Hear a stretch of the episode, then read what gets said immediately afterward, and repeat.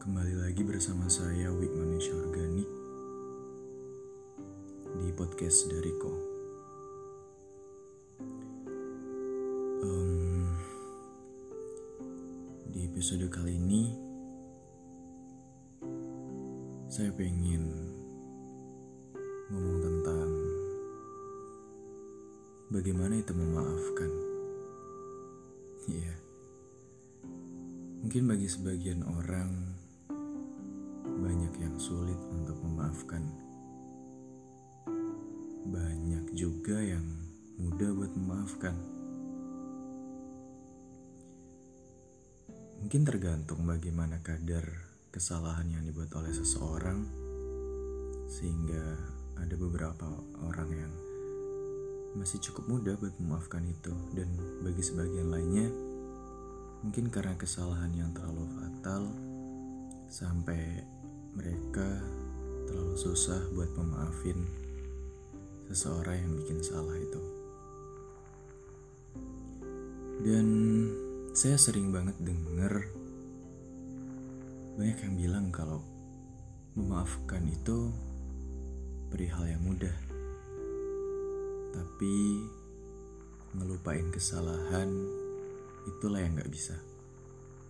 Ya, mungkin bagi sebagian orang, memaafkan itu mudah buat dilakuin.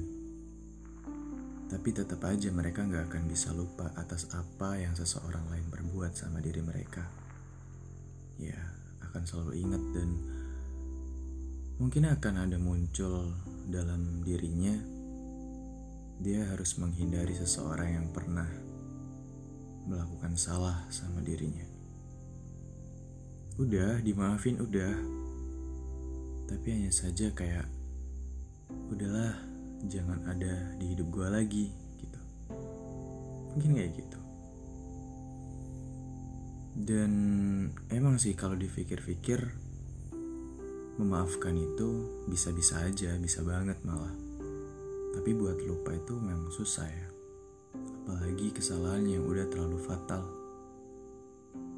Mungkin karena hmm, terlalu parah rasa sakitnya, terlalu parah rasa kecewanya. Ya, seperti itu. Ya pada dasarnya sih, bagaimana mungkin kita nggak memaafkan seseorang?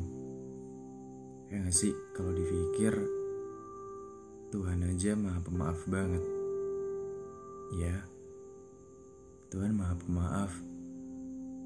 Terus kenapa kita makhluknya nggak mau buat maafin orang lain? Tuhan aja sebijaksana itu. Terus kita makhluknya masa mau nggak bijaksana?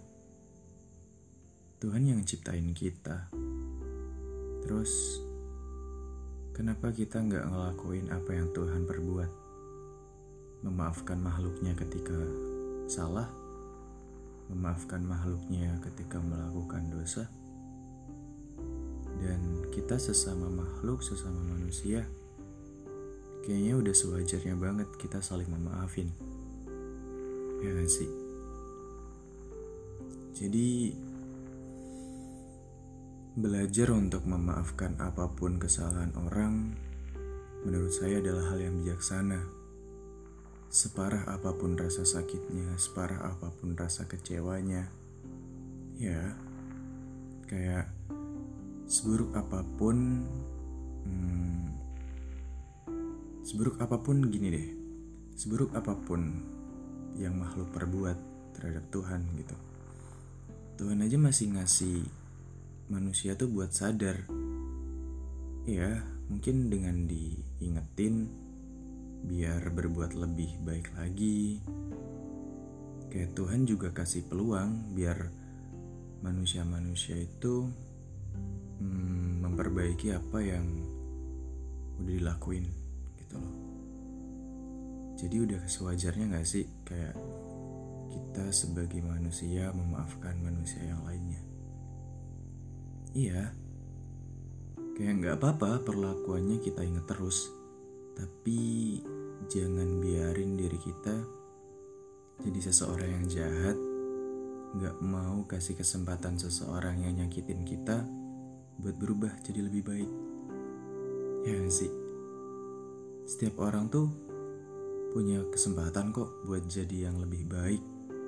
Bahkan diri kita sendiri bukan seseorang yang sempurna. Kita juga gak pernah luput tuh dari yang namanya salah. Kayak kalau saya bilang, um, semua orang itu berpeluang melakukan salah. Ya sih. Tetapi seburuk apa pun itu, seharusnya itu menjadiin diri kita sadar biar nantinya kita berbuat yang lebih baik lagi. Seharusnya.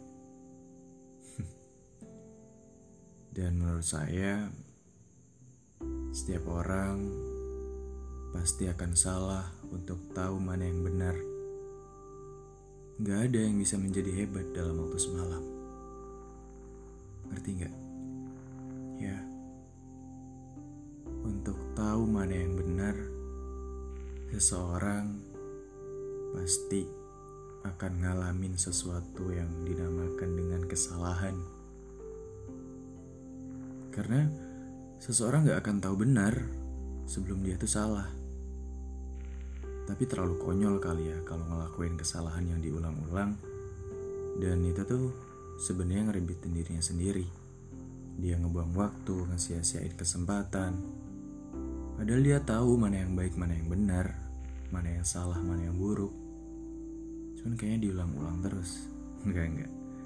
Dalam arti, untuk tahu yang benar, seseorang pasti harus salah terlebih dahulu. Ya, kayak saya bilang tadi, gak ada yang bisa menjadi hebat dalam waktu semalam. Gak apa-apa salah dulu. Yang penting, selalu ada niat buat jadi lebih baik lagi. Selalu ada niat buat mencari mana yang paling benar. Dan juga, hmm, kalian sadar gak sih? Orang-orang yang menjadi baik pasti punya masa lalu.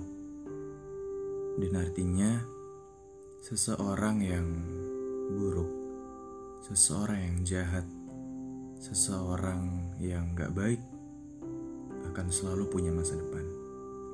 Ya, dalam arti orang-orang yang baik itu pasti pernah mengalami hal-hal yang mungkin cukup pelik di masa lalunya, mungkin cukup buruk di masa lalunya, sehingga dia berpikir untuk masa depannya biar dia menjadi lebih baik lagi. Ya, orang-orang yang baik pasti punya masa lalu. Dan lagi, um, seseorang yang buruk sekalipun dia punya masa depan. Ya gak sih? Ini kayak konsepsi um, salah dulu baru tahu yang benar. Karena Seseorang yang buruk ketika dia diingatkan oleh dirinya sendiri atau oleh orang lain, pasti akan muncul dalam dirinya buat dia menjadi lebih baik lagi. Makanya, seseorang yang buruk sekalipun akan selalu punya masa depan.